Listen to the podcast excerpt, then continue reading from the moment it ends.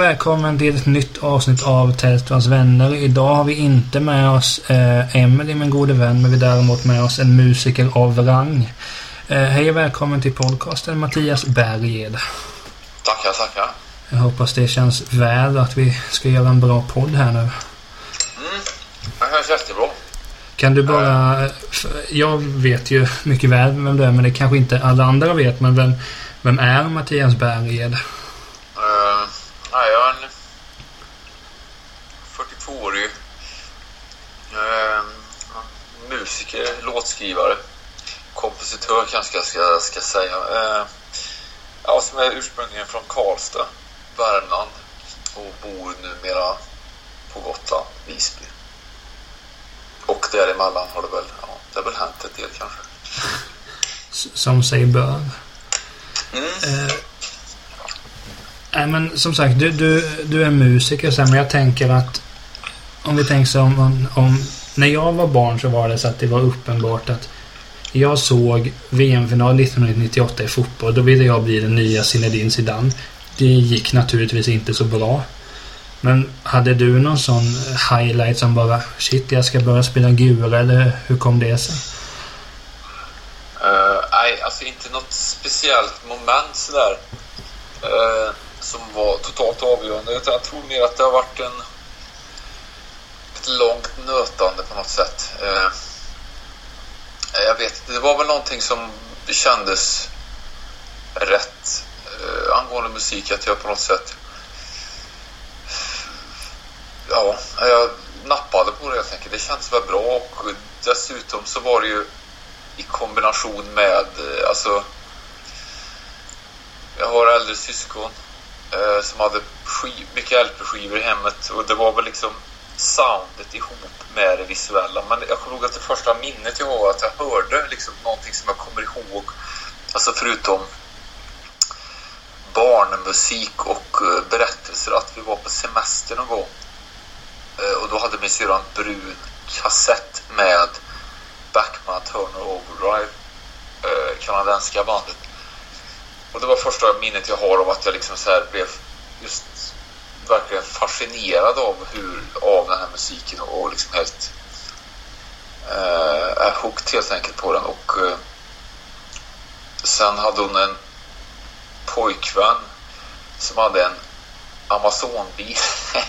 och han hade två plattor också med Backman Turnover Och jag kommer ihåg när jag hittade även alltså den viktigaste skivan för mig, alltså när det gäller det bandet, som är också en av mina favoritplattor, att jag upptäckte att min syrra hade den här skivan. Alltså vilket moment det var, vilken glädje. Och då var det ju alltså givetvis eh, första hand musiken men också det visuella det var också otroligt attraktivt. Alltså med band som Sweet och Kiss, Gasoline, Nasaret. Alltså det var väldigt attraktivt med gitarr, bas och trummor helt enkelt. Kompis eh, till mig, en av mina bästa vänner, vars, alltså vi gick i lekis tillsammans.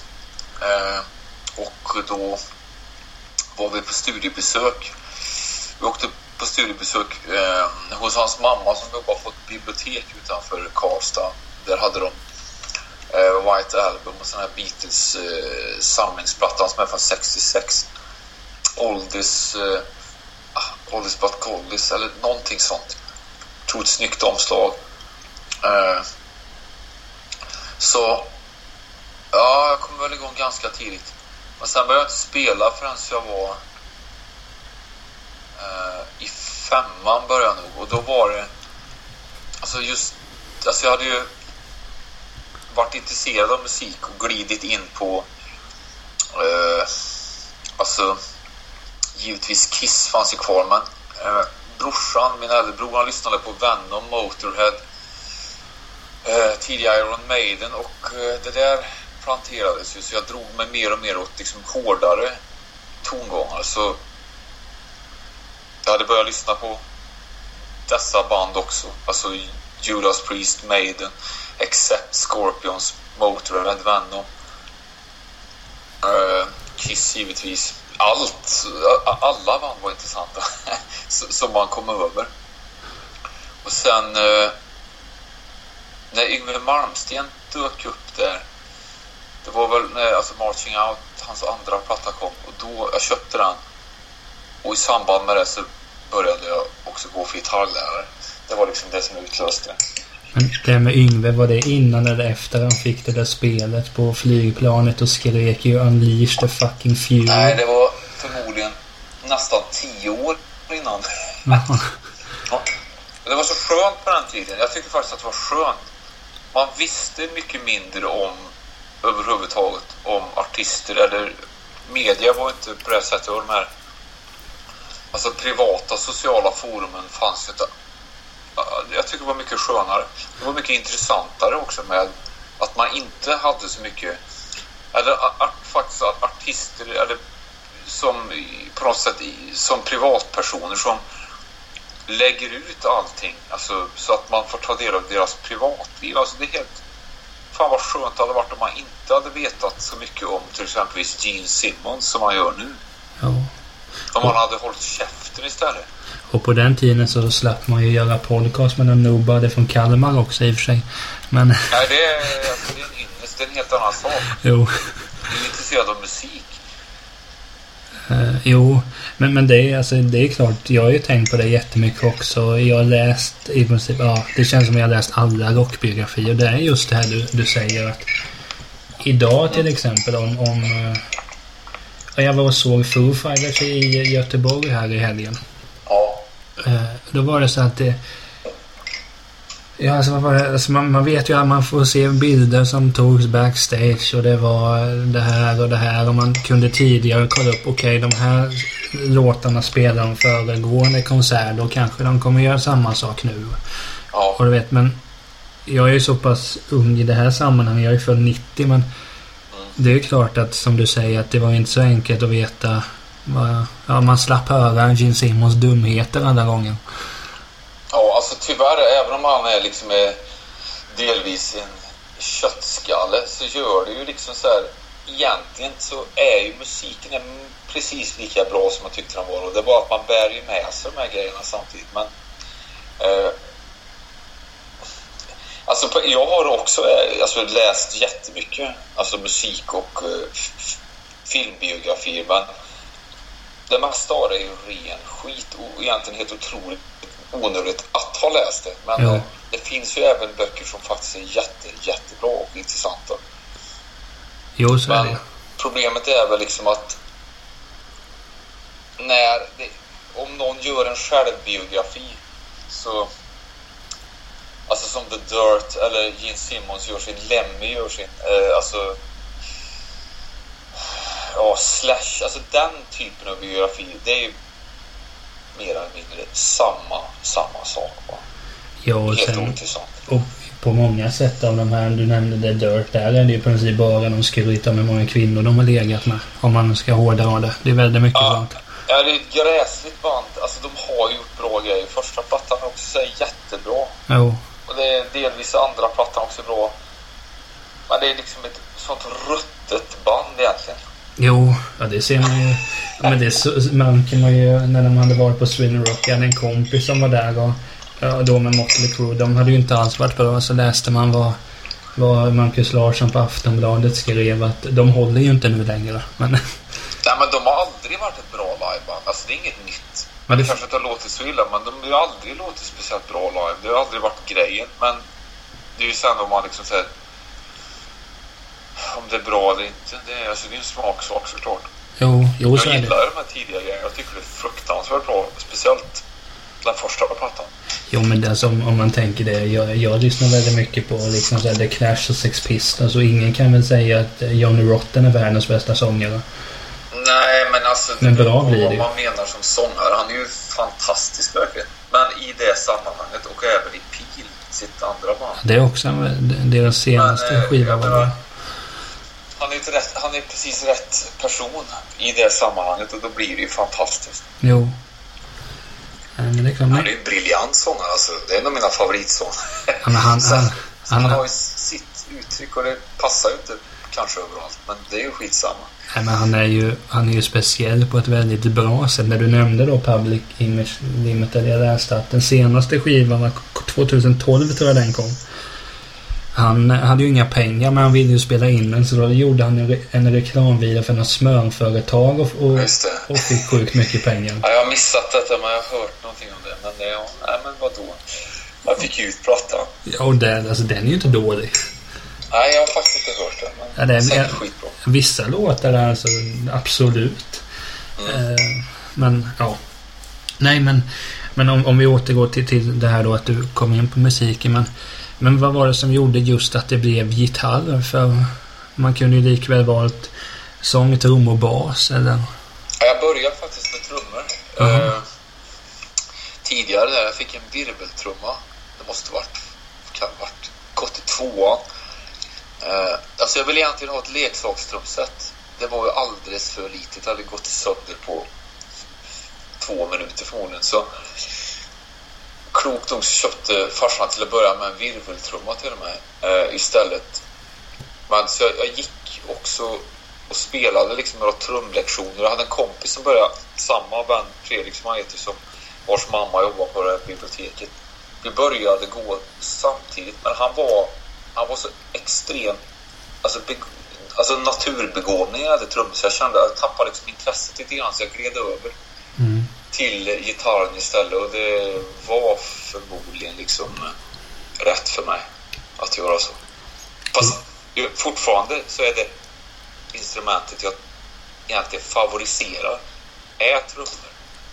Alltså jag är så glad över att ha fått spela och spela nu igen med liksom en fantastisk trummis men att jag haft möjligheten att spela med så många bra trummisar i de sammanhang jag varit i. Det är liksom, jag går verkligen loss på det, alltså när, samspelet med en bra trummis. Men kan du då om du, skulle, om du sitter liksom och, ja, på flyget och ska flyga på, på turné nu. Kan, om du lyssnar på en låt då kan du bli så här, liksom överlycklig för att shit, det här är jävligt bra trumspel av John Bonham exempelvis. Jag hade ju en fantastisk trummis. Eh, en väldigt missförstådd trummis också. Oh ja. Eh, jo, jag, alltså jag, jag, går verkligen loss på rytmer och eh, bra trumsar eller percussionister. Jag älskar det. Jag har gjort lite research och Nymfet Nodlers, det där väl var det första bandet du var med i eller? Nej, det var det äh. faktiskt inte. Utan... Uh, Enligt Wikipedia är, var det det i alla fall, men det ska man ju inte alltid veta. Det stämmer. Alltså, första bandet jag var med i var ett band som heter Ants of the Underground. Men vad var det för slags band? Det, var en trio ganska länge. Sen hade vi en basist som var med en kort period. Men det var återigen min vän Fredrik som spelade trummor. Han var trummis i det bandet. Eh, sen spelade han i ett band som heter Christ Couldn't Come. Mm. Som jag också började i när vi, precis när vi började gymnasiet så började jag också i det bandet. Och sen spelade vi ihop från 89 till 91. Eh, och sen la det bandet ner och då började jag i Ugly Jake som det hette. Eh, som Mattias Hellberg hade på grund av att Fredrik eh, Karlsson, en kille, han hade brutit armen. Och då skulle jag vara stand-in-gitarrist där. En spelning. Och så repade vi. Mattias spelade också gitarr. Så bara kände han, nej fan skit i att spela. räcker med om du spelar gitarr. Och så började han sjunga enbart. Och sen döpte vi om oss då till Nymfet Nodus som vi faktiskt hade hetat tidigare med ett coverband vi hade i gymnasiet. Vi spelade eh, alltså, MC5-låtar och etc. Mm. Grejer vi tyckte var bra. Då hette vi Nymfet Nodus. Sen tog vi över det namnet, bibehöll, vi behöll namnet, startade ett nytt band. Uh, och så började även sen Martin Hedros tidigt 1993 var det innan vi skulle spela in en EP med Nymfen Noders. Eh, så började han i bandet också, då lärde vi känna varandra. Och sen började han i Soundtrack och jag följde och hakade också på det. Men det är det jag tänkte när jag läste på då om Nymfen Noders att det måste, alltså så här i efterhand så måste det räknas lite som en supergrupp med tanke på att din karriär har ju gått väldigt bra. Eh, Hederos likadant och Hellberg och var det Jan, vad heter han, Mer Mertens Martens? Martens, ja. ja det har ju gått, gått bra där också så nu vet jag inte. Och Jesper Karlsson som spelar trummor. Ja. Uh, han spelar i Maharadjas nu. Så jag menar det, det måste ju också... Det, Märkte ni redan då att alltså Visst, det, det är alltid svårt att prata om sig själv att man är bra sen, men märkte ni redan då att ni är jävligt bra musiker? Alltså när man är 18, 19, 20 så är man ju i vissa lägen totalt liksom i, i sin lilla grupp övertygad om att man är förmodligen centrum av universum en period för att man är så fruktansvärt grym, eller grymma tillsammans. Men efter... jag tror att... Alltså så här, alltså vi var ju fan fortfarande tonåringar och med den jargongen så var det bandet och eh, Alltså det var, jag tror vi tog ut mycket av våra liksom så frustrationer. Vi levde ju ganska stökigt och så här, riktade vi liksom in mot varandra. Ja. Vilket är alltid jätte, jättedestruktivt. Så det liksom imploderade det där bandet ganska snabbt. Tyvärr. Eh, men jag menar rent musikaliskt så hade vi ju väldigt, väldigt kul tillsammans och gjorde bra grejer. Eh, och vi, jag menar, vi är ju bra kompisar fortfarande. Fast vi kunde inte just då fortsätta att spela. Det kändes som att det, det liksom var klart faktiskt. I den konstellationen. Det kanske var bäst för vänskapens skull att, att du gick med i Soundtrack istället. Nej, det vet jag inte men det var liksom bara... Ja, men vi var klara liksom. Jag vet inte. Det, det var för... Vi hade kört fast, tyvärr. Men det var... Nej, vi gjorde några bra grejer, helt klart. Ja, men det är som så jag tänker på att jag är väldigt intresserad av musik men jag har inte spelat musik mer än sen när man fick testa på blockflöjt och fiol i skolan för jag tror inte att mitt element är inte att spela musik. Jag kan gärna lyssna och prata om det men spela bör jag helst inte göra. Mm. Men alltså hur... Då när ni hade ett band, men hur, hur, hur liksom... Det, alltså det är som man märker när, när band när man kan läsa att okej okay, nu ska det här bandet läggas ner och nu ska det här läggas ner. Men alltså hur... hur alltså, du var lite inne på det förut men hur, hur märkte ni att nej, men vi kanske ska... Var det just det att ni riktade all ilska mot varandra? Ni märkte att vi får nog... Nej, det var, alltså, nej, det var inte ilska, men eh, det hände saker alltså, i livet för alla som påverkade. Det var svårt att hantera. Man är så pass ung så man inte så mycket liksom eh, erfarenhet och deala med vissa grejer och så glider det över liksom in i... Alltså nu är... Alltså, man lär sig på något sätt att hålla isär saker. Alltså, eh, det, jag har blivit bättre på det i alla fall. Att liksom inte blanda ihop för mycket privata saker in i liksom... Eh, kanske i liksom, vad ska man säga, det man håller på med som då är, är ett band eller vad det nu kan vara. Utan mm. att man faktiskt försöker liksom så här, hålla isär det. Men det är inte så lätt man är... Ja, men vi gjorde... ja, vi gjorde övertramp hit och dit helt enkelt mot varandra. Och eh, det är väl liksom så det är. Det var som ett gäng. Det var som att högstadiet fortsatte delvis. Ja, det, det hör åldern till, eh, får man väl, får man väl försvara. Vi, ingen av oss gjorde ju lumpen. Ja. jag vet inte. Vi kanske, kanske skulle behövt någon en auktoritet som styrde oss. Nej, men eh, det var så det var. Men sen flyttade Martin till... Eh, ner till eh, han flyttade först till Malmö, sen upp till Göteborg och så började han spela med dem. Och jag spelade ju både i Nymfet och sen började jag spela med ett band som heter Mindjive. Sen slutade jag i Mindjive och Nymfet Nodus och flyttade till Göteborg och spelade då efter det i Soundtrack ihop med Martin. Och Mattias Hellberg flyttade också till Göteborg och började i ett band som heter Hot Love. Jättebra band. Eh, men de gjorde tyvärr bara någon demo och en grym singel. Vinylsingel. Nej men det, det är som det jag tänkte på som så att, att, att vad heter det?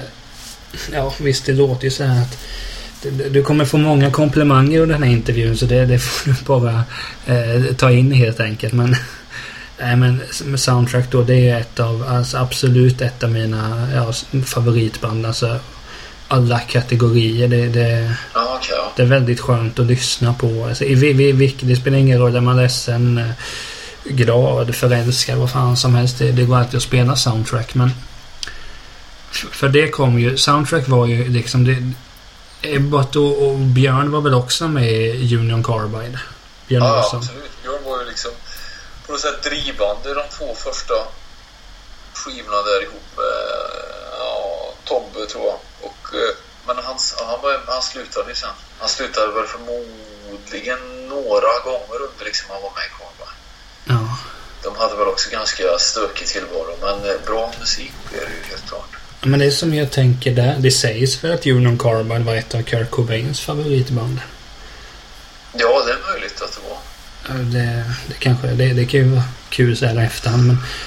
Jo men det jag tänkte på Ja, då... alltså, ja, väl förmodligen bra musiksmak och kanske koll Har du på andra förresten... grejer också som inte var så stora. Har du förresten sett... Alltså. Har du förresten sett den dokumentären om Kurt Cobain? Den som kom ut här för någon månad sedan. Nej, Eh. Mon- Montage of Heck. Den är vä- väldigt, väldigt... Ja, alltså man blir ju inte peppad på livet kanske men... nej okej. Nej, Jag har inte sett den faktiskt. Ja, den är två och en halv timme lång så det kan vara skönt om man Ja. ser ut på turné. Eh, Så den får du kolla in. Nej men... Jo men det jag tänkte på soundtrack då att då var det... Union Carbide var ju väldigt stora. Och sen då eh, vissa delar från... Eh, ja, alltså det är ju liksom så här alltid... Det är väl De kanske har inte sålt... Eh, alltså det, det beror på vad man är med stora. Rent eh, musikaliskt jättestora, men rent eh, om man framgångsrikt kommersiellt, nej inte alls. Nej, men nej, det, det, så, det, det har man förstått sig på sig men, men Ja, men då Men stora rent musikaliskt. och betydelsefulla, det har de definitivt varit för, alltså inte bara för svenska band. För att, alltså, faktiskt från den tiden när de fanns, alltså sena 80-talet, tidiga 90-talet. Det fanns nästan inga bra svenska, alltså rockband, om Nej. man ska vara helt klass, som lät, som hade liksom samma klass som, alltså ett, ja men amerikanska och brittiska band. Det definitivt, alltså det, det var de ett av de få banden som, som hade. Nej men som sagt, jag, jag menade liksom försäljningssiffrorna, det, det har jag ingen koll på. Det, det verkar invecklat att och, och, och kolla upp sådär. Nej men vi säger då att, att ett, ett så inflytelserikt band, att då Soundtrack startar och då är det inflytelserika musiker, eh, Ebbot, Björn Olsson och så men hur, hur kändes det att överta Björns position där? Det, det kan väl inte ha varit allt för enkelt? Mm, alltså, faktum att det var, jag menar, det var inte meningen. Alltså Björn hade pratat om att han skulle, att han faktiskt i princip från att Soundtrack började eh, så pratade Björn om att han skulle sluta. Jag lärde känna Björn när vi höll... Vi, jo, det var när vi höll på att spela in med Nymfet. Alltså 94 var det här men... Så bodde vi hemma hos Björn, så då lärde vi känna Björn allihop i Nymfet och eh, så hade man ju kontakt med honom under de startade Soundtrack också. Och han pratade i princip varenda gång man pratade i telefon om att han skulle hoppa sluta i bandet. Så att jag tror att kanske för utomstående vet jag inte om det var liksom så här, det, inte så överraskande men jag tror i bandet så hade de ju hoppats på att han kanske skulle ta ett tillfälligt liksom avbrott kanske eh, och sen vara med att spela in eller alltså på något sätt skriva till bandet.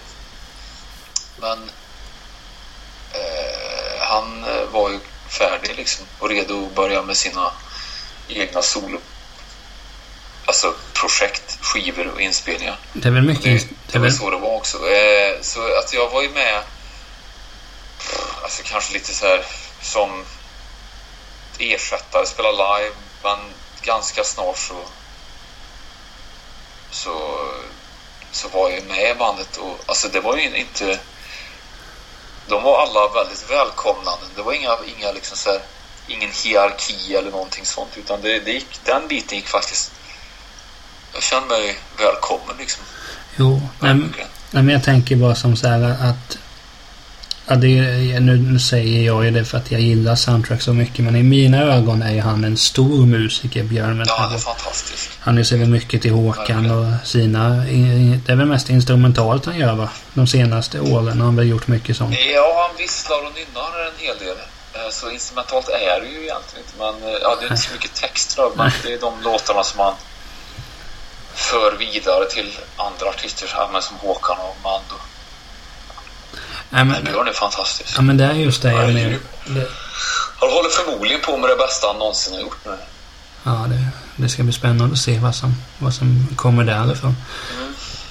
Nej, men det är just det här bara man tänker att det är en så då inflytelserik musiker. Alltså, hur, att, kände du någon press att jävlar, jag måste ju... Det, det här blir spännande att ta över efter Björn. Nej, faktiskt inte så kände jag inte det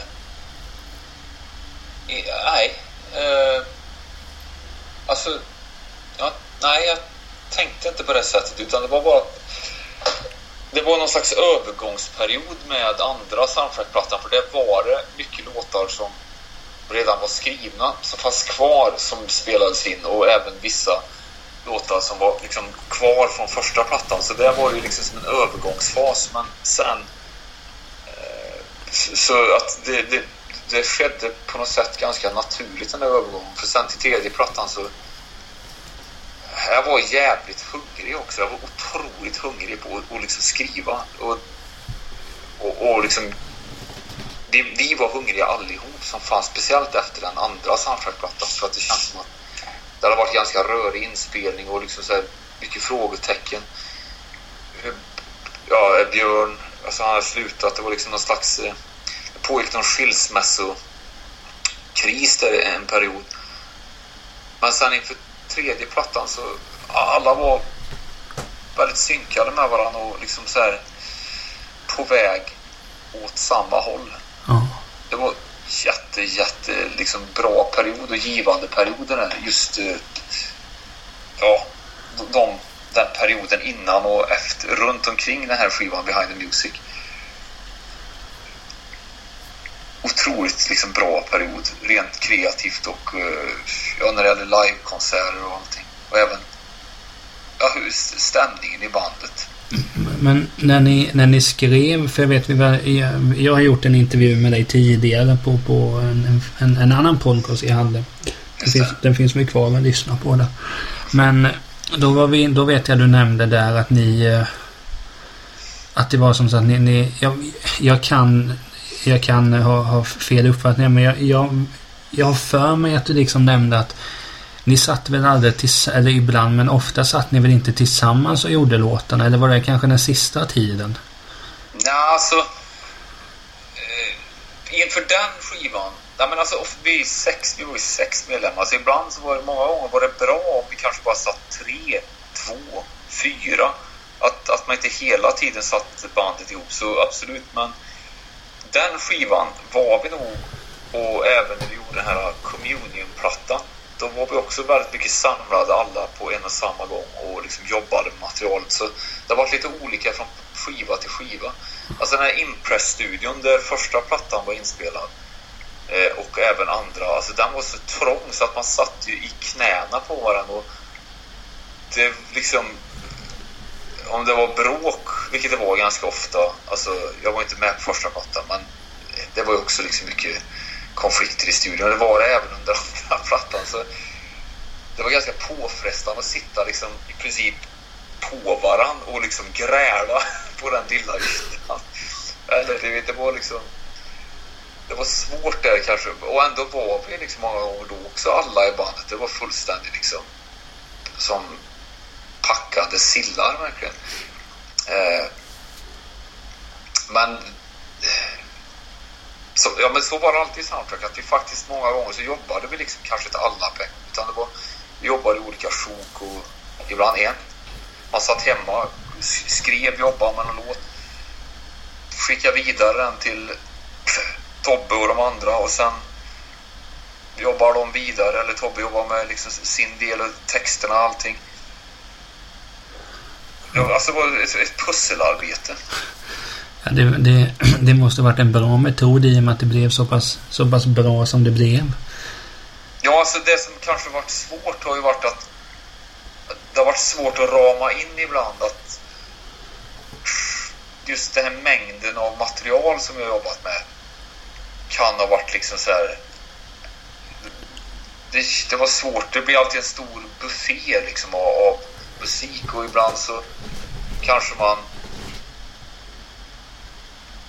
man hade kanske inte tid alltid att ge liksom varje grej tillräckligt, eller liksom en, en ordentlig chans för att det var så jävla stora sjok av låtar ibland som vi jobbar med många gånger till, till skivinspelningar. Så, men å andra sidan, det, då blev ju en del saker som inte blev klart blev liggande. Så sen om man inte var nöjd så spelar man om det kanske till nästa skiva eller jobbar mer på det eller också slopar man låten. Alltså, som sagt, det var ett lång, liksom, ett långt ett långvarigt pussel. Men det är inte så att, att, att du har material så att du liksom...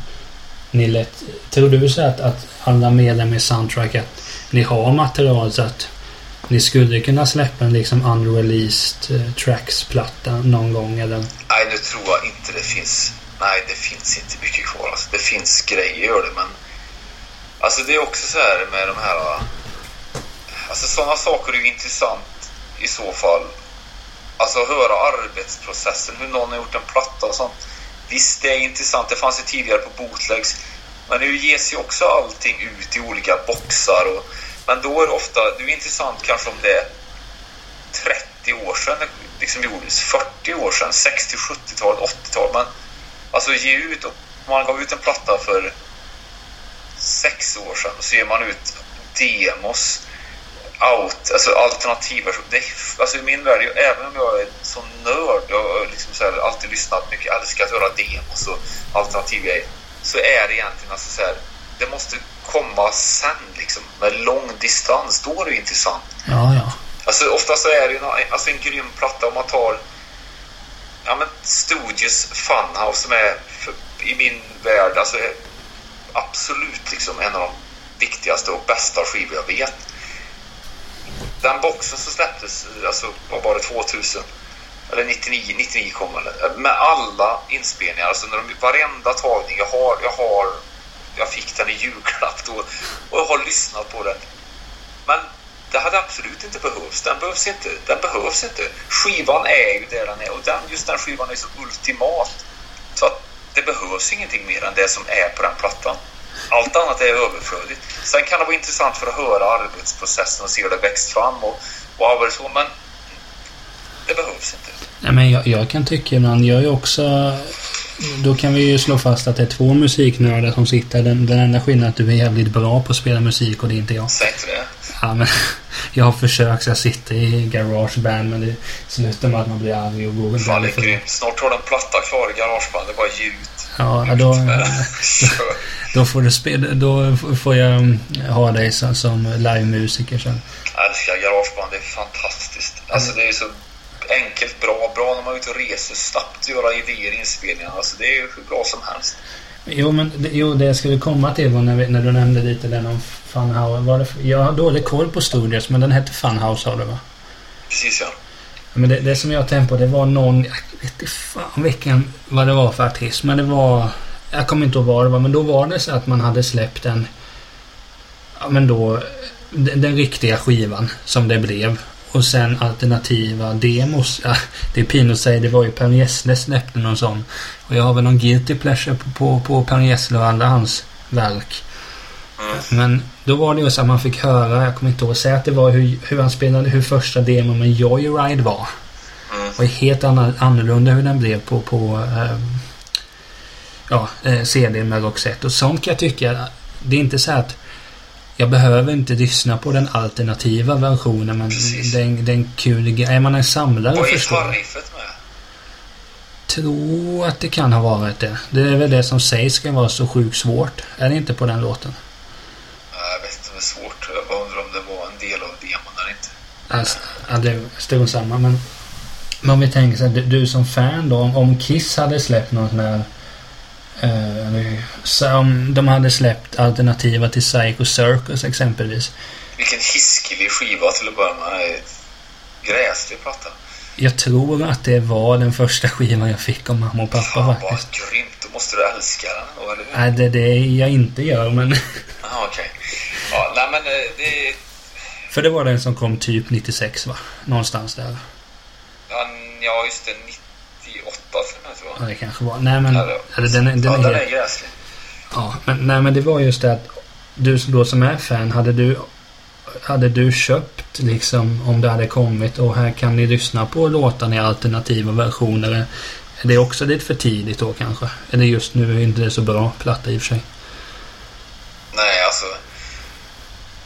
Nej, oftast är det... Alltså ibland så kan det vara så att till och med demoversioner är bättre. Men samtidigt, när, när det gäller skivor som är så fulländade, fulländade som det här Funhouse eller eller vissa, ja men som Nevermind the Bollocks med Pistols eller vad fan London Calling eller alltså Valfritt med Springsteen eller vad, Val, vad som helst. Alltså det, mm.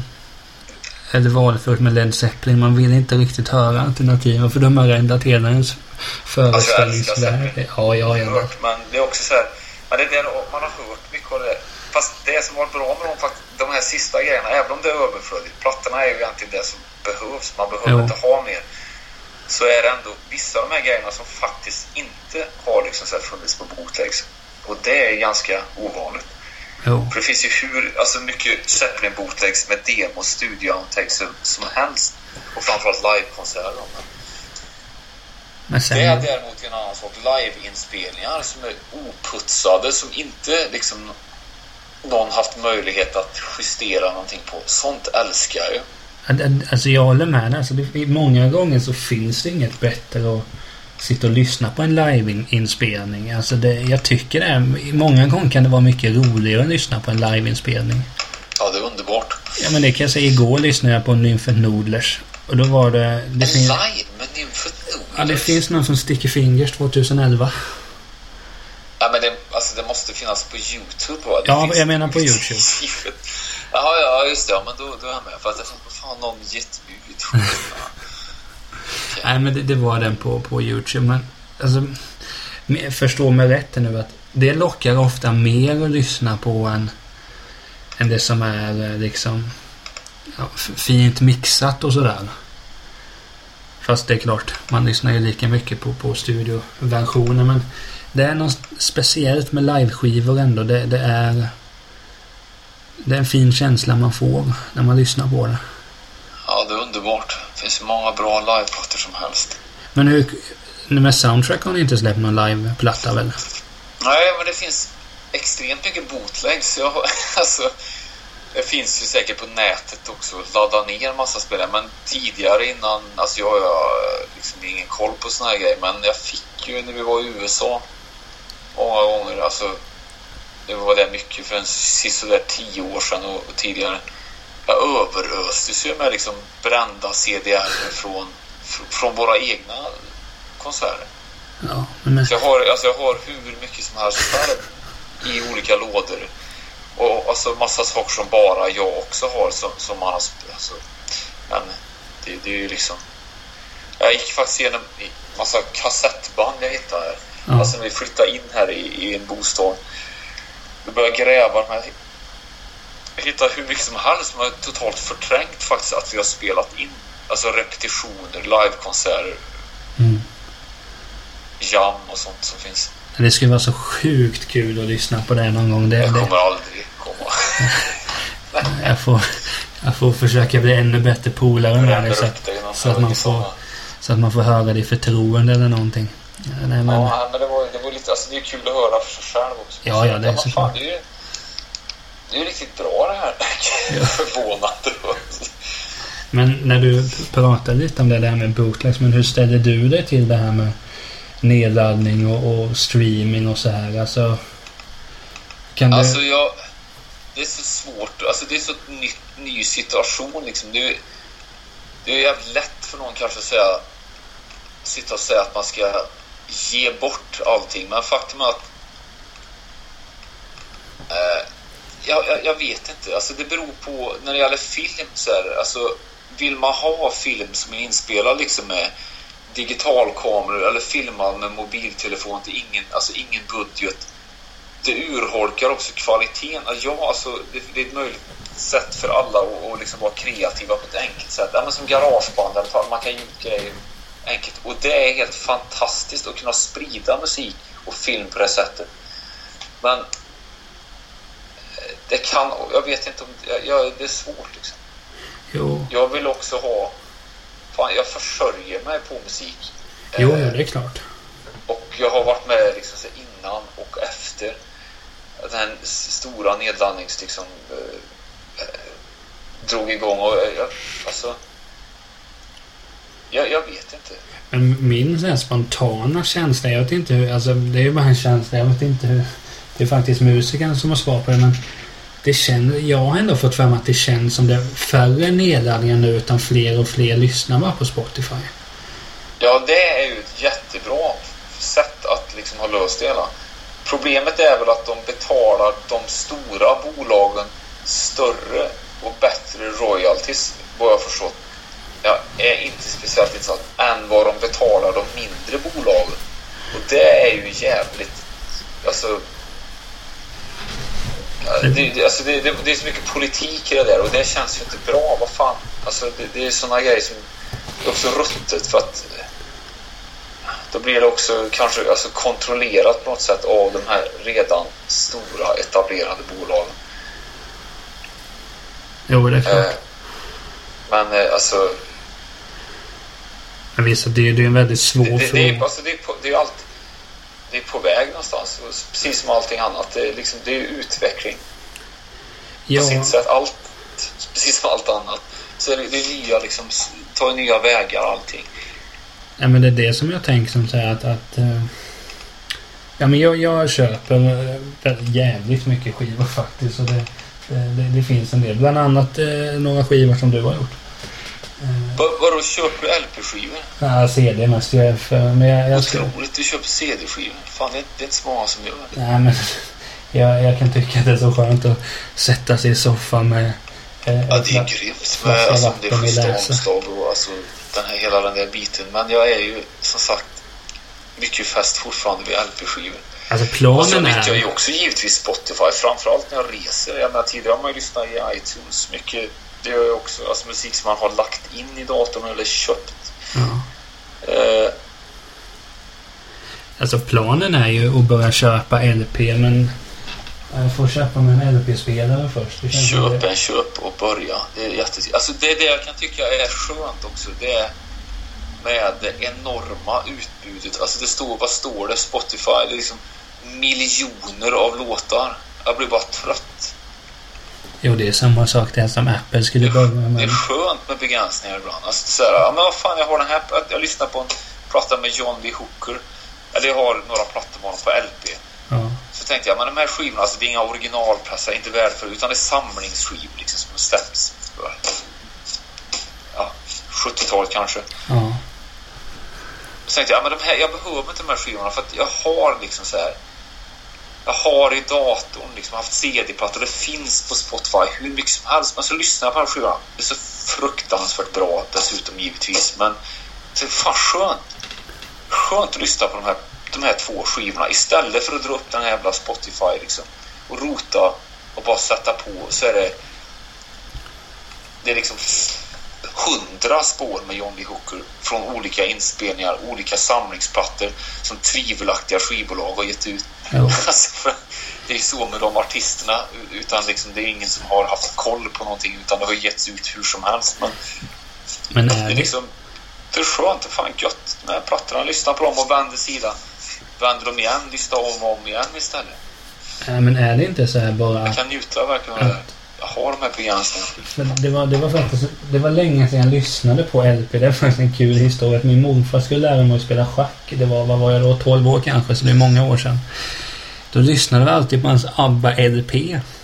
Det var ju bara att det var ju så jävla skönt helt enkelt. Bara se, samtidigt som man försöker lära mig schack så lyssnar vi på The Winner Takes It All eller någonting. Det, och kvalitet, min känsla är att kvaliteten på LP är mycket bättre än, än kvaliteten på Spotify? Ja, den har ju varit...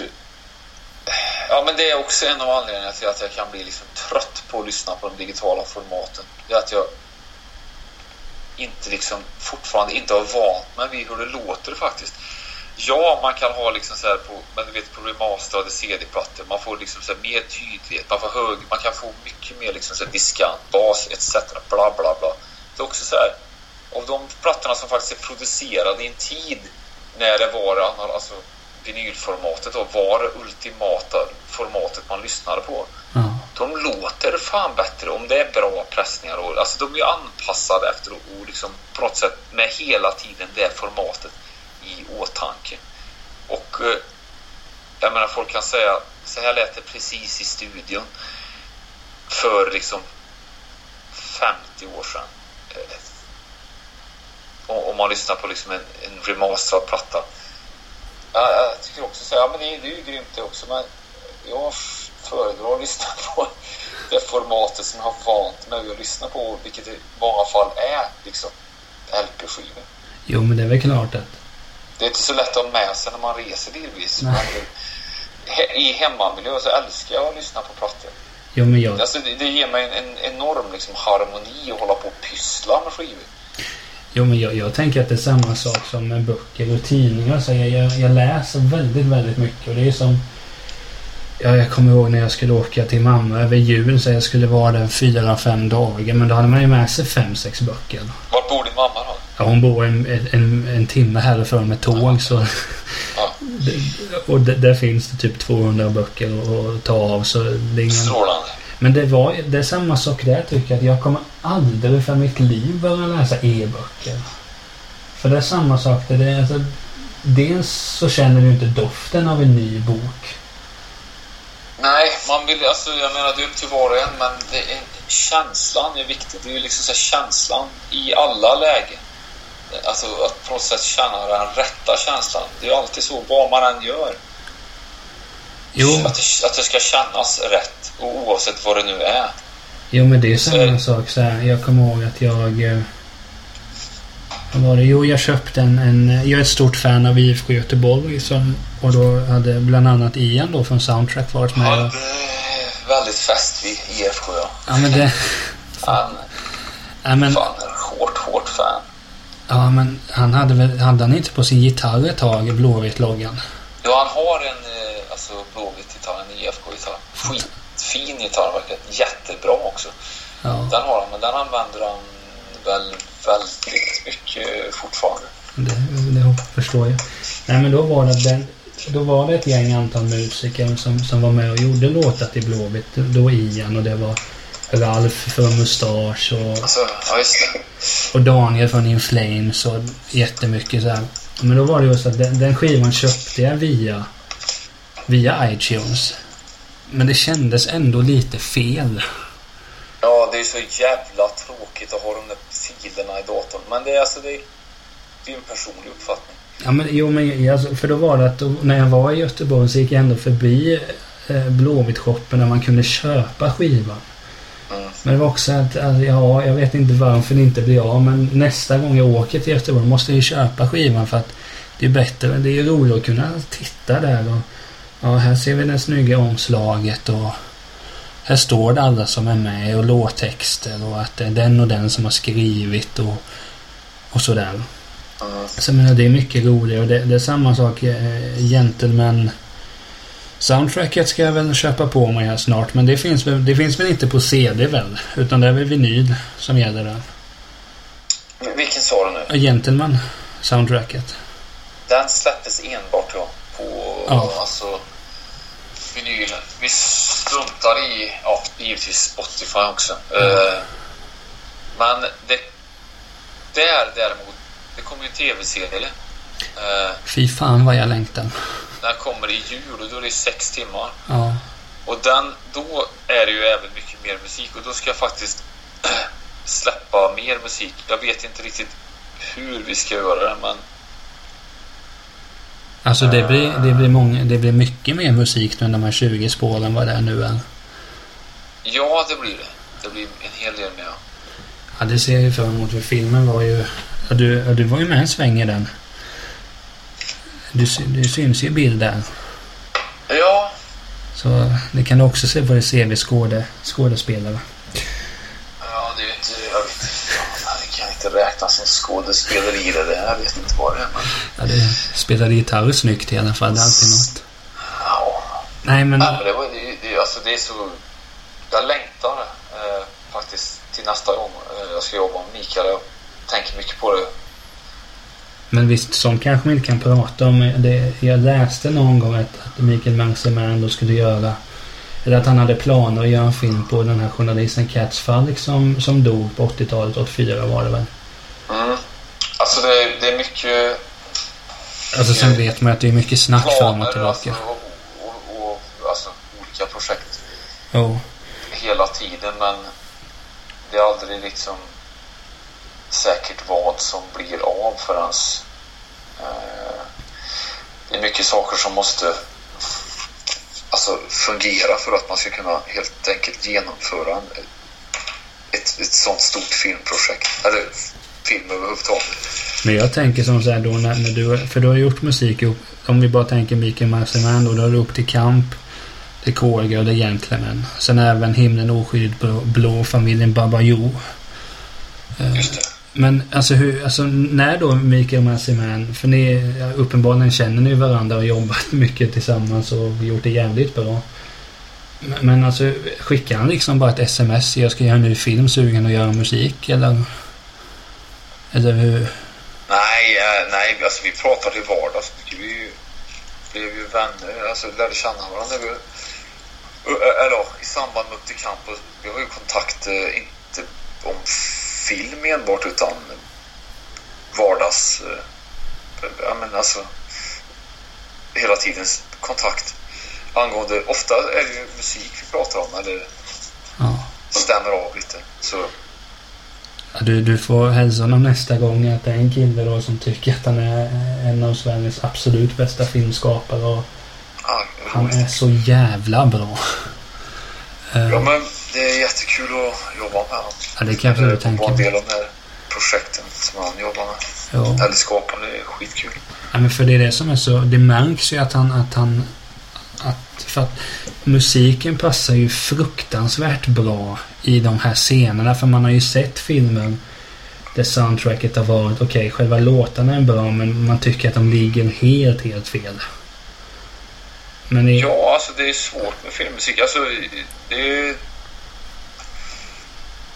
Man får ju göra det man själv tycker känns rätt och alltså det vi tar de besluten som man tycker är, är bra för den här filmen man själv jobbar med. Men det går ju aldrig liksom...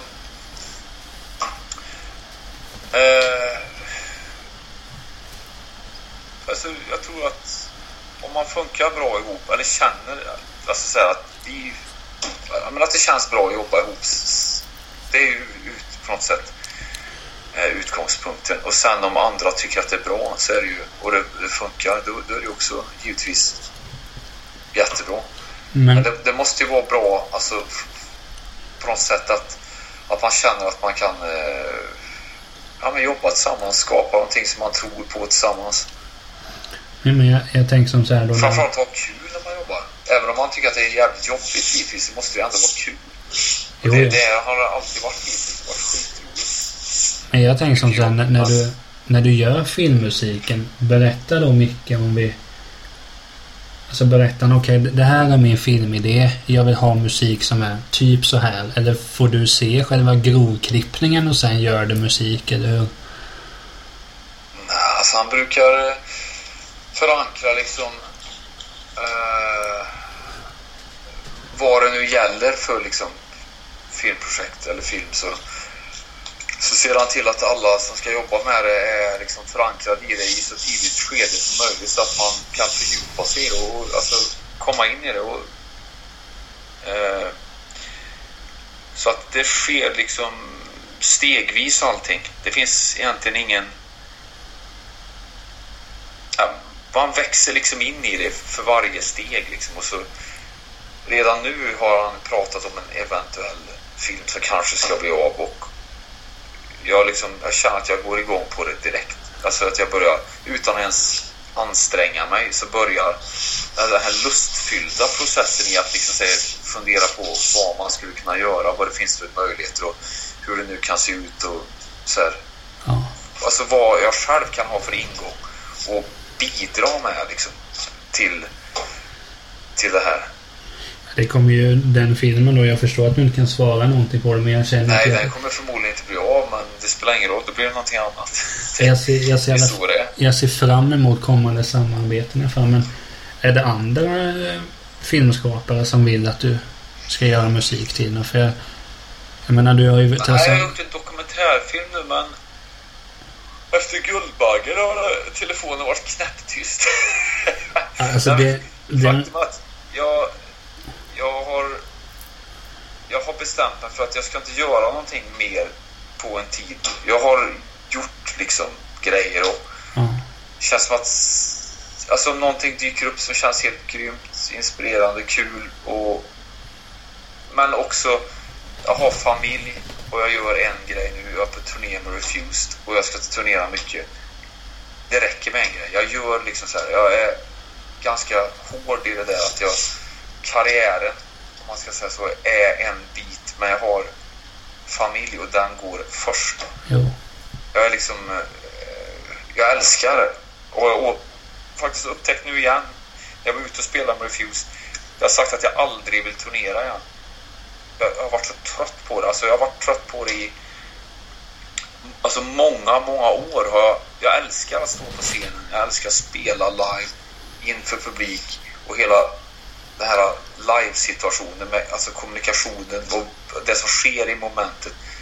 Men allt det andra när det gäller turnerande eh, har jag varit urless på faktiskt. Jag har liksom inte haft någon... Jag har varit så trött på det. Men nu i ett nytt sammanhang faktiskt igen och jag är inte med i Refused, jag är med som livemusiker.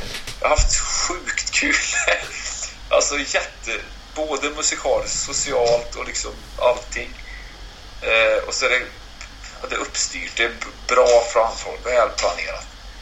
Och det är givetvis långa resor, det är obekvämt och allting. Det är, det är lite sömn och allt detta som på något sätt hör till med att turnera. Men jag har ändå upptäckt nu att jag, det här har varit en stor del av mitt liv, att jag faktiskt har varit turnerande, en turnerande människa och eh, jag, jag, trivs ju i den här miljön. Liksom. Jag känner mig jättehemma mm. i en, liksom, vad ska man säga, turnésfär. Eh, och nu får jag ju liksom båda delarna. Jag har de här spelningarna och sen däremellan så väljer jag att vara hemma. Men jag, jag ska bara... Istället för, ursäkta, men istället ja. för att gå in i, i ett projekt till som man liksom så här, eh, som äter upp all tid. Men som sagt, jag är, jag är jävligt fokuserad på familjen. Ja, men det är väl... Det är, alltså det är väl fullständigt rimligt att vara det. För jag menar visst, hur kul... Alltså det spelar ju ingen roll om man, sitter, om man spelar fotboll eller hockey eller gör film eller vad som helst. Alltså, man har ju en familj där och de flesta håller ju den som det absolut högsta. Eh, mm, man måste lära sig säga nej till grejer och inte liksom så tänka på vad man vad man eventuellt missar alltså, när det gäller liksom så här forum då för alltså musik, bara, bara film. Utan jag älskar den här känslan för att bara nej. Nej, jag, nej, det blir inget. Det blir inget. Eh, jag ska bara kort tillbaka till Guldbaggen här. Det är, bara en, det är egentligen ingen fråga. Det är konstaterat från min sida att du nämnde att du vann Guldbaggen för eh, äh, Gentlemen. Men Nog fan borde du egentligen ha haft två stycken Guldbaggar. För jag, jag är helt säker på det. Var du inte nominerad för Callgirl också? Var jag det? Jag alltså, tror det, men för det år... Nej, var jag nominerad? Jag, jag, är helt säker på det. För att jag blev...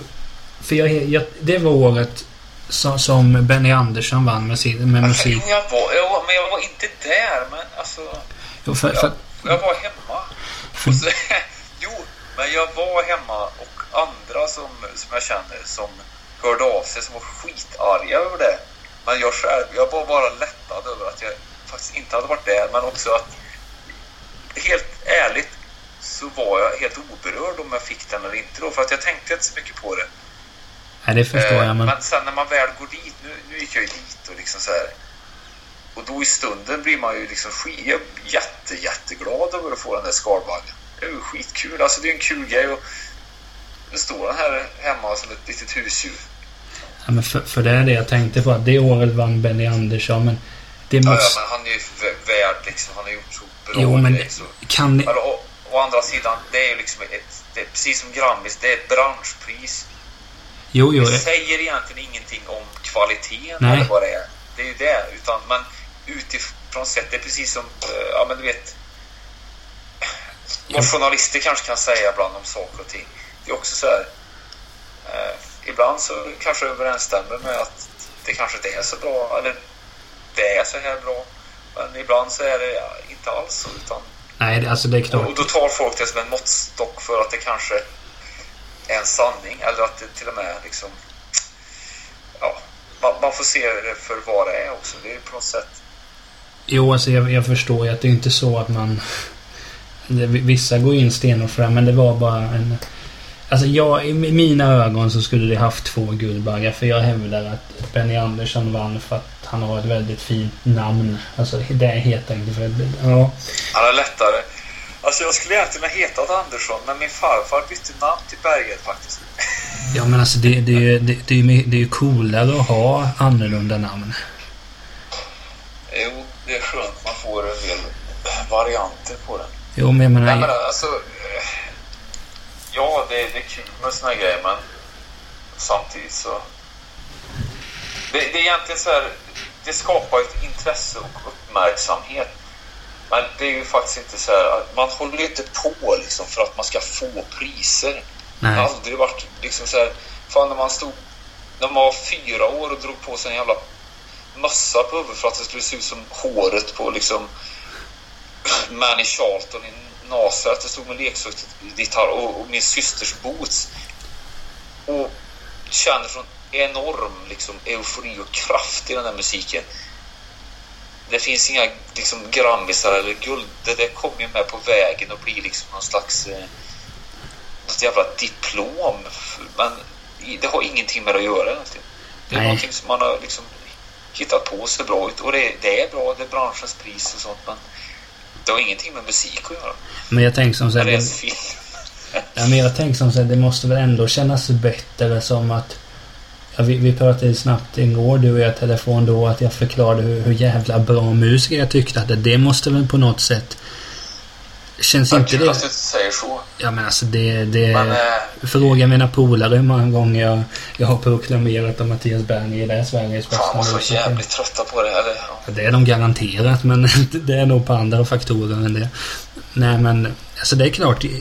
Jag tycker, alltså det är ju det är anledningen att jag har med dig i podden en andra gång. Det är dels för att vi hade jävligt kul, eller jag hade jävligt kul senast vi snackade. Ja, Och sen att, ja, alltså jag, jag står för det. Du, du är den musiken jag, jag lyssnar mest på. Det måste vara det.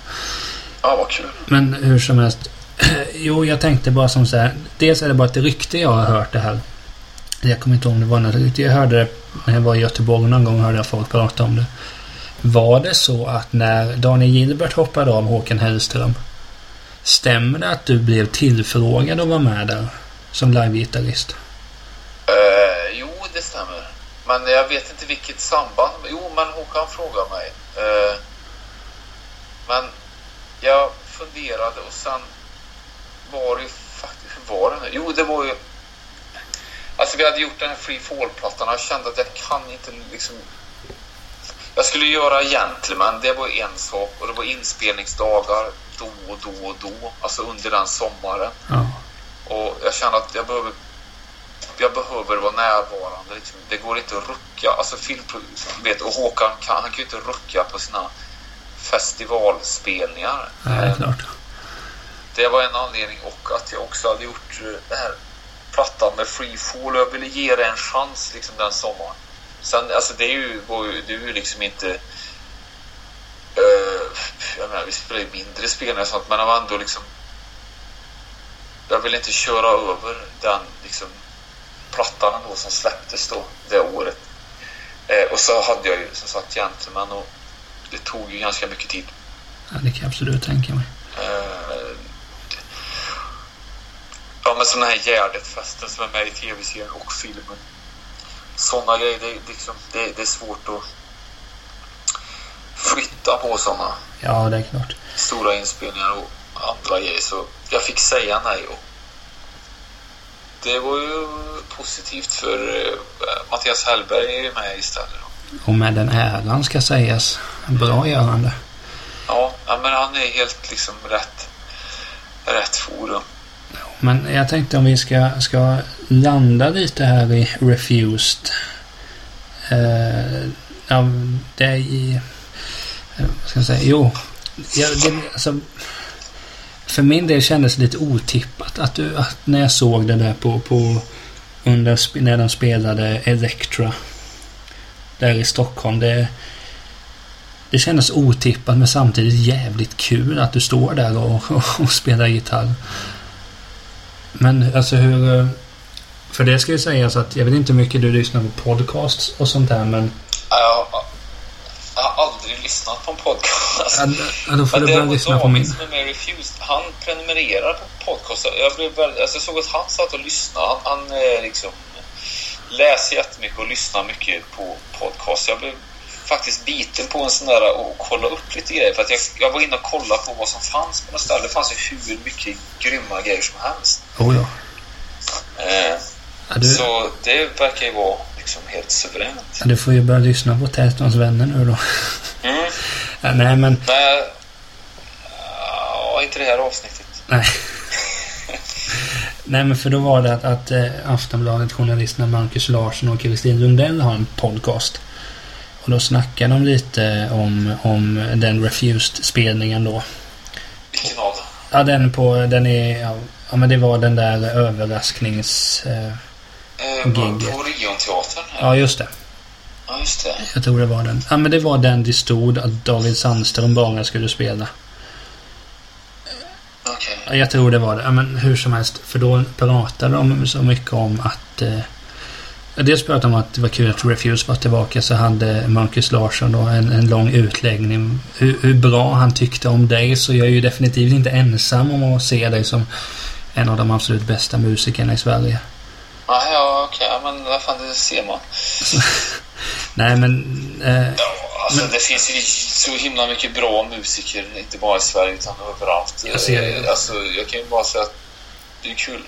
Faktiskt igen, alltså man kan inte ta någonting för givet. nej. Jag tror att man själv är den som är mest liksom så här, brutal mot sig själv ibland när man är inne i sådana perioder. Alltså hur kritisk man kan vara mot sig själv. Men eh, så att ja, men man ska inte ta någonting för givet. Jag är otroligt glad över att, att jag haft, gör det jag gör. Eh, och ha, har liksom på något sätt kunnat fortsätta det jag sysslar med. Och sen Alltså ibland känns det bara som att man... Eh, alltså omständigheter bara byter av varandra och det är liksom så här, Jag vet inte fan, det känns inte som att man har någon egentligen styrsel på det själv ibland utan det bara uppstår alltså situationer och möjligheter och så har jag haft turen och möjligheten att, att få göra grejer. Det, jag är skitglad över det. Men det är det som jag tänker som så här att... Att liksom när, när... Om vi tänker så här... Ta i fotbollsvärlden. När man blir intresserad av att kanske köpa en spelare så scoutar man så här under lång tid och du vet överlägger. Är det ett bra pris? Bla, bla, bla. Men hur gick det till när du blev... Alltså eh, ringde Dennis eller någon i, Refuse bara upp och sa vill du vara med och spela? Eller hur, eller hur går det till där? Alltså... Uh, alltså, det är inte så jävla liksom off som det känns för att vi lärde känna varandra på 90-talet, alltså 95, 96 där. Refused gjorde ju en turné med alltså Mindjag som jag var med i 94. Eh, och första gången jag träffade, det var, det var innan jag var med, men jag träffade alltså, Trästocksfestivalen, alltså Skellefteå 95. Vi skulle spela där då med och då åkte vi upp dagen innan. Och då bodde vi hemma hos David, hemma hos hans föräldrar i Umeå. Vi övernattade där. Eh, och då hade jag sett Refuse live, men det var första gången jag träffade honom då. Och då visade det sig att han hade i skivsamlingen så stod det Backman, Turner, Overdrive, Not Fragile. Den skivan, precis den som har varit en av de viktigaste för mig som jag har lyssnat så oerhört mycket på. Och det visade sig att han faktiskt gjort detsamma. så att, är det liksom den kopplingen, jag tror att det liksom där fanns det någonting. Och sen turnerade vi ihop senare. Eh, bland annat i Tyskland. Alltså jag var, spelade med Maja var förband till Refused. Okay. Så, ja, så såg jag dem ju live liksom efteråt. Precis innan de la av så den sista turnén och de själva pratar om, om, om det som att det var katastrof. Alltså även hur det lät den turnén. Jag, jag håller inte med. Jag tyckte att de, jag såg två spelningar på den turnén. Jag tyckte att det var fantastiskt. Jag såg en i Göteborg och en i Örebro. Ja, nej men de... Ja. Men eh, sen har det... Ja, men sen hörde David av sig eh, för ett tag sedan och frågade om jag var intresserad av det. Och, alltså, direkt så, alltså jag, jag blir ju otroligt sugen och glad direkt på att göra det. För att det är liksom deras material, alltså hur, hur de spelar, alltså de är otroligt bra liksom, kompositioner, låtarna. De är grymma att spela. Och det liksom, på något sätt så blir det... Ja, men jag, jag får också lära mig något nytt liksom. Han är ju grym gitarrist, Kristoffer, som är där. Alltså, riktig liksom riff riffmakare av hög kaliber så det är skitkul att vara och spela de här låtarna också. Men det är också en jäkla energi på dem. Eller på er alla. Alltså, det måste vara, man måste vara dyngsur när man går av scenen sen. Ja, alltså vi, vi andra på scenen har väl ganska vilsamt förutom David och uh, Dennis. De har ju... ja, Dennis står inte still. De är mest utsatta helt klart. Nej men för, för det som jag tänkt på det innan den här... Kör riktigt hårda pass båda två. Ja men det, det, jag tänkte lite på det innan intervjun eller då när vi, när vi bestämde att vi kör en gång till att... att vad heter det? Det måste ju vara så... Det är klart att Aldrig Äng... Det, det är kanske inte så... Nu kanske det blir så för mycket beröm om man säger men någonstans måste det vara ett kvitto på att du är bra musiker med tanke på att du har varit med i Soundtrack, du har gjort filmmusik, du har varit med i Refused. Håkan har velat ha med dig alltså. Du har varit med i väldigt många bra band och gjort väldigt mycket bra musik själv. Så... Jo, men alltid så känns det som att man har gjort för lite. ja, alltså jämför. Skulle, skulle gjort mer, alltså, nej men... Eh, jo, men alltså återigen, jag är jätteglad över det och jag, ibland så fattar jag inte men, alltså det finns ju hur mycket bra musiker som helst oh. eh, runt omkring. Det, det, finns det faktiskt. Eh, jag, jag, vet inte fan. Men eh, alltså alla de här sammanhangen har ju varit jävligt givande såklart. Jo. Eh, men, ja, nej, men ibland så undrar man just att känslan av att hur ska man hinna göra klart saker och ting innan det är dags att lägga sig ner och vila för evigt? Det kommer aldrig ske att man hinner eller har möjlighet utan eh, Alltså, det finns ingen anledning att tänka så heller, men ibland så drabbas man Och faktiskt har alltid gjort det. Det är ingenting som har uppstått nu, utan så här, det känns som, ibland som att det varit ont, är ont om tid. Men eh, det är bara korta tillfällen jag känner så. Och det, det är skönt därför. Jag tycker den mesta tiden som upptar min tid nu är liksom Ja men sånt som många andra som är föräldrar. Man undrar hur det alltså, barnen och allting så här, och ekonomisk oro. allt, allt detta som tillhör liksom ja, livet också. Ja nu då när det är den, jag vet inte när musiker får sin lön men nu när det är den 15 i månaden. Det, den, de sista tio dagarna är inte kul. Det är de väldigt sällan. Nej, men alltså man är ju van att det är så. Alltså det är som en jojo på det sättet som de flesta har det som gör det jag gör. Alltså det, det finns liksom ingen frekvent liksom.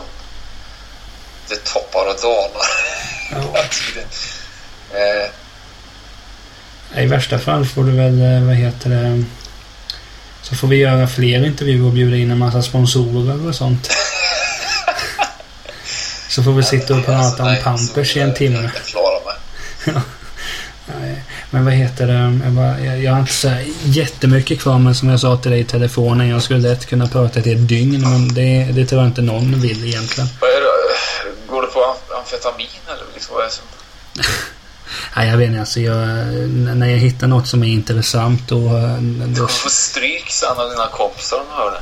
Ja, det, det, finns, det finns andra anledningar till varför de skulle vilja ge mig en smäll. Men, nej, men alltså det är sådana saker jag tänkt på att, att just att om vi tänker så att vilka, vilka olika typer av musik det är. För Refused och, och Soundtrack of Our Lives exempelvis. Jag hade ju svårt att se att, en, att det ska finnas, att det finns en medlem som har varit med i båda de banden. För jag är sådär, alltså. Jag tänker att det måste vara så oerhört mycket, mycket svårare att spela typ Refuse bara för att det är hårt som fan helt enkelt. Men alltså, ja, alltså det har ju... Ja, alltså rent om man ska säga tekniskt sett vissa grejer. Ja, svårare. Eh, I grunden låtarna med soundtrack, ja de är inte speciellt svåra. Men det är, inte, det är också så här ett band är ju inte bara på något sätt att spela utan det är ju de beståndsdelarna och medlemmarna alltså, som är med i bandet som får det att låta på det sättet. Jo. Alltså i Refused och i Soundtrack och i andra band. Och det är ju det som är det liksom egentligen. Jag menar ta Studios eller fan Pistols jag menar, okej, okay, minus Sid Vicious då, men alltså, jag menar, alltså, som de låter. Det är liksom... Det är det, det är ju konstellationen som gör det och ihop med att de har fantastiskt bra låtar. Och, alltså, det, det är så mycket saker som gör det och det är ju det som är grejen. Det är ju därför att man kan säga liksom så här, jag är jätteglad att du säger att jag är bra musiker, men det finns ju mycket, om man ser så här, överhuvudtaget, det finns ju alltid bättre musiker. Det finns ytterligare en annan som är bättre och bättre. Jo. Men det handlar ju inte om, om det.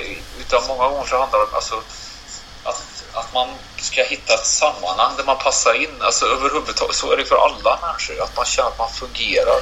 Jo, men, och förhoppningsvis mår bra, kan arbeta och liksom på något sätt eh, fungerar. Det är ju det det handlar om och så är det med fan band och musik också. Även om många band är helt fucked up, dysfunktionella och bitvis asjobbiga att vara med i, men också jättekul.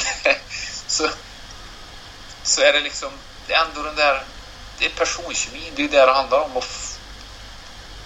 Ja men det är ett lika mycket att ha ett band. Det verkar vara lika mycket teamkänsla som att vara ett fotbollslag. Visst, jag nämnde Zinedine Zidane i början men visst han varit viktig för sina lag men det kan ju vara någon mer tillbakadragen kille som, som är lika viktig. Uh. Jag vet inte, teamkänslan i soundtrack. alltså, det är ju så fruktansvärt roligt band faktiskt, Soundtrack.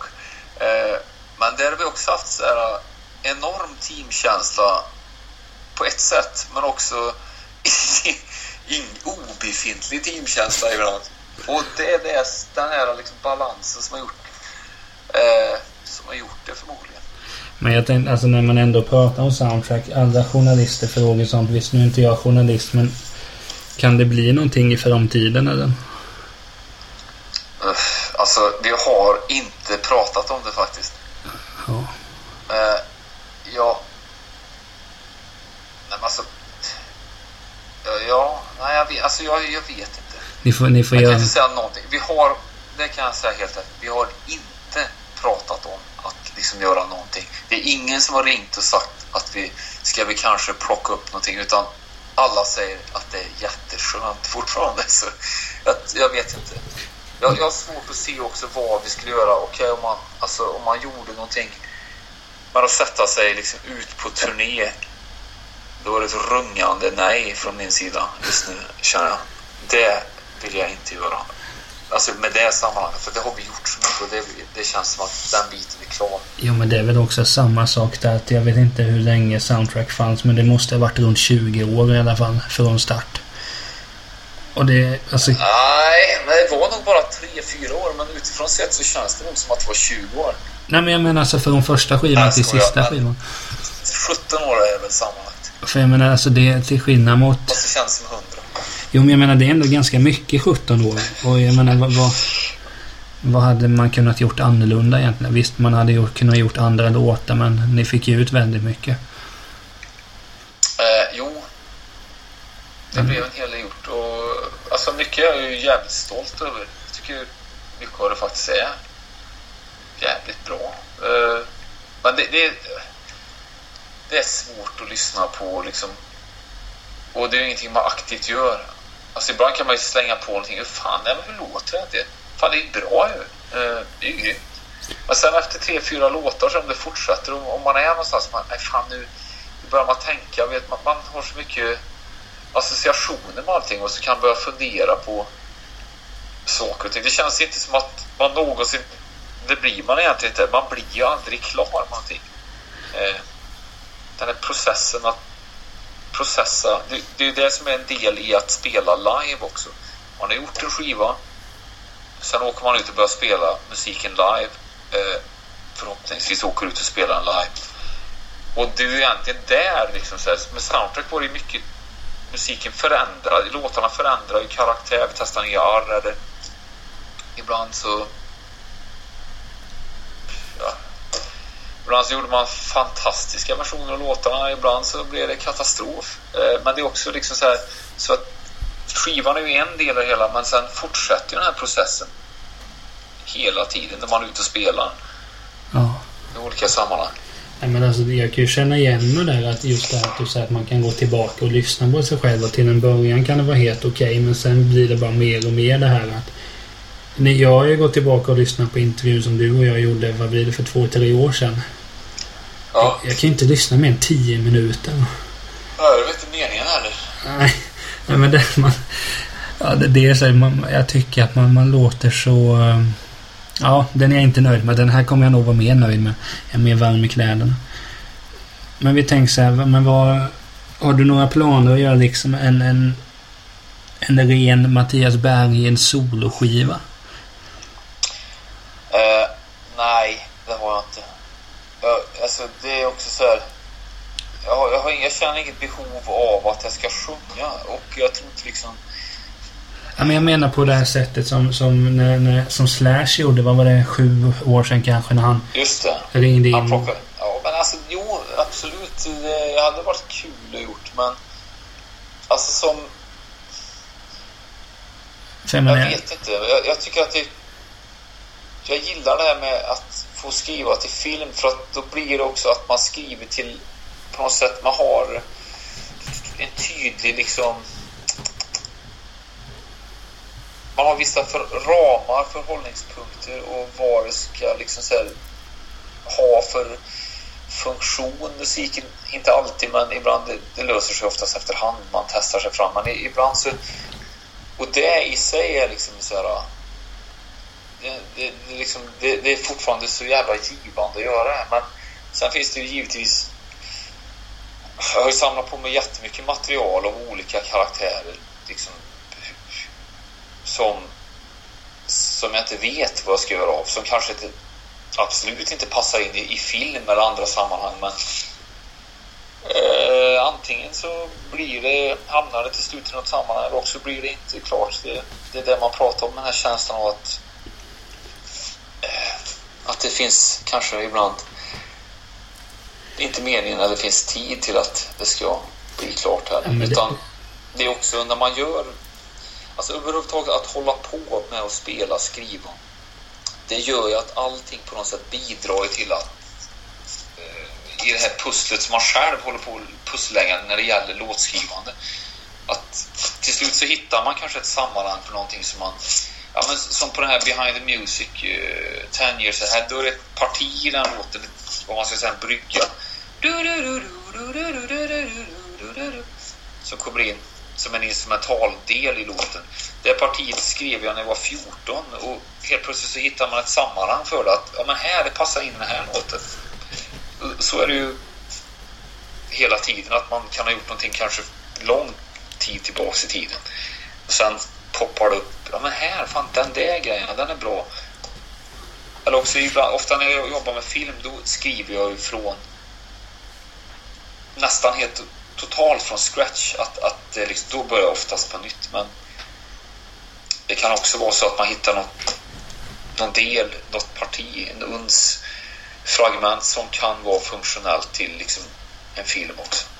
Om vi tänker som så här att, att är det en stor skillnad när du skriver då? Men ta, när du skrev filmmusik egentligen, men är det en jättestor skillnad kontra när du gjorde låtar till soundtrack exempelvis? Eller är det lite samma... Är det skapa musik båda lägena? Det är typ samma process eller? Alltså skillnaden är att i, när jag jobbar själv så jobbar jag, då är jag... Eh, då har jag bollplank. I vilket fall så är det Martin Ehrenkrona som har den här studion jag spelar in. Som är, och, och givetvis Mikael som är regissör. Men i studion så är det ju Martin jag jobbar med. Men jag fattar ju liksom jag är ju chef där helt och hållet.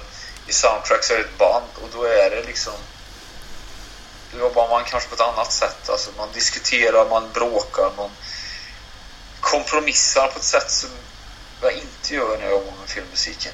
Och ibland de här kompromisserna som sker i ett band är jättebra. För att det leder fram till bra, bättre grejer än om man hade hållit på och kört sitt eget race. Eh, men det är också, man slipper ju de här konflikterna som ibland som brukar vara ibland som inte i många gånger heller är speciellt givande utan bara destruktiva. Så det, det, det är skönt att faktiskt bära liksom huvudansvaret, yttersta ansvaret själv i de här fallen. Att, att man drar hela det lasset. Och det trivs jag jättemycket med. Ja, det, det, det är kul och jag hoppas som sagt att du gör mer filmmusik men men, men det är också så här att jag jobbar ju med musiker som jag tycker själva är grymma. Om det är liksom i många gånger att man, ja, Martin från Soundtrack är med och eh, olika trummisar som jag tycker är bra. Alltså, eller vad det nu kan vara. Magnus Karlsson var med och sjöng. Han är med i filmen också. Sjunger med dansbandslåtar. jag frågade om han ville vara med och sjunga. Skriva text i en låt också. Men den eh, låten är helt sjukt bra. Ja, kul att du gillar den. Men han är ju grym. Så, oh ja. Och liksom superskön. Så det, ja, men, att också få jobba. Eh, ja, men alltså det är otroligt kul att på något sätt få den möjligheten att Ja, men som Tobbe Zetterberg, grym basist, spelar ju mest jazz, mest ståbas också. Men jag har aldrig träffat honom. Jag har hört honom spela. Och till, till egentligen tänkte jag, fan, alltid liksom fan han måste vara med liksom. Han måste vara Och så tur var han kunde vara med, vara med och spela på några grejer. Han spelar fantastisk musiker också. Och givetvis Jonas Kullan, Mara Goran, alla de alltså det, det finns ju så liksom bra kaliber liksom av, av Ruskträsk. Alla de här liksom lirarna är ju grymma musiker verkligen. Jag kommer ju definitivt hålla ögonen öppna både för ja, alltså all musik du gör. För, ja, jag behöver inte säga det en gång till hur mycket jag uppskattar dig som musiker. Det har jag väl gjort tillräckligt så att det räcker att bli över för något år. Ja, men det är kul att du gillar det. Men vi säger så här bara, alltså jag ska, jag ska det är vi, inte, vi har inte så jättemycket kvar. Vi, det man får då, ja men alltså bara Alltså vad tycker du om att göra så intervjuer lite då och då? För min ambition med sådana här intervjuer det är liksom ja, Jag avskyr det faktiskt. Eh, men inte i det här fallet. För att jag tycker om att prata om musik. Ja. Men om det inte gäller det, som många gånger när man gör bandpromo, när man ska ställa upp på olika jippon eller, eller du vet sådana här, ja, men göra någon, prata om någonting som inte har med själva musiken att göra då lackar jag alltid ur. Men... Jag tycker det är så urbåta, trist och tråkigt faktiskt. Ja, men det är det som har varit lite ambitionen med det. Att visst, nu, nu är du musiker och det är det just alltså. För, förstå mig här nu, men din ditt privatliv är ju inte intressant för mig. Alltså så är det ju. Och det är samma, du bryr dig sannolikt inte ett skit om mitt privatliv. Och det bör du ju inte göra heller för den delen. Men... Jag vet vart din mamma bor. Ja. ja. och du, du vet att min bror gifte sig samma gång när, när jag egentligen skulle kolla på er konsert. Eh, men hur som helst. Men det, det är lite så jag tänkt med de här intervjuerna att, att man, man ska inte fiska så mycket efter att okej, okay, vem... Eh, alltså hur, hur lever Mattias? Hur ser hans familj ut? Alltså, det, utan det är just det här att jag är intresserad av dig som musiker och då, det är mycket roligare att prata om det man är bra på än liksom prata om hur familjesituationen ser ut för det är någonting i allra högsta grad privat och det har ju som sagt ingen annan med att, att göra och så jag hoppas att du har uppskattat den här intervjun just för att du ja, inte varit och, och fiskat eh, citat om, om det ena eller det andra utan det är alltså så jag tänker mig om intervjun att inte, jag intervjuar Per Holknekt till exempel. Då pratar man väldigt mycket om hans skatekarriär eller när han skapar modekläder och så. Det är ju, mm. Man får fokusera på det istället för ja, skvallret helt enkelt. Mm. Men eh, jag ska väl bara säga att det har varit... Jag ska faktiskt avrunda här nu. Vi har fått med allt. Eh, men bara säga kort vilken vilken av alla låtar, för jag tänkte så, nu vet jag inte hur det är med Stim, men får jag lov att spela någon låt du har skrivit som intro till det här? Och i så fall, vilken låt hade du önskat då? Äh, du får spela vad fan du vill. Då får jag, då får jag, då tar jag något från egentligen... Vänta, jag ska bara lyssna om det var någon som vaknade.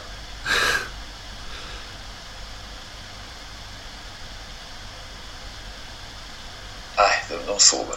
Uh, nej, men vad fan, spela vad du vill. Skönt, skönt.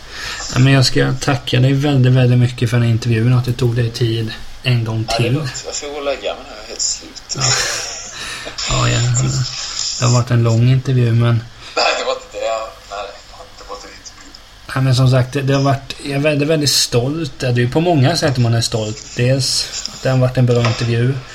Eh, favoritmusiker och allt det. Så det har varit eh, väldigt, väldigt kul. Och jag hoppas att även du har fått ut något av den här Ja, absolut. Det är skönt att prata av sig lite. Ja, ja, alltså det... att, att det var någon som är villig att lyssna någon gång. Nej. Alltså du, du får ringa mig när ja, du vill. Jag kommer alltid nej, svara. Det, ja, men det, det, det är skittrevligt. Inga problem alls. Ja.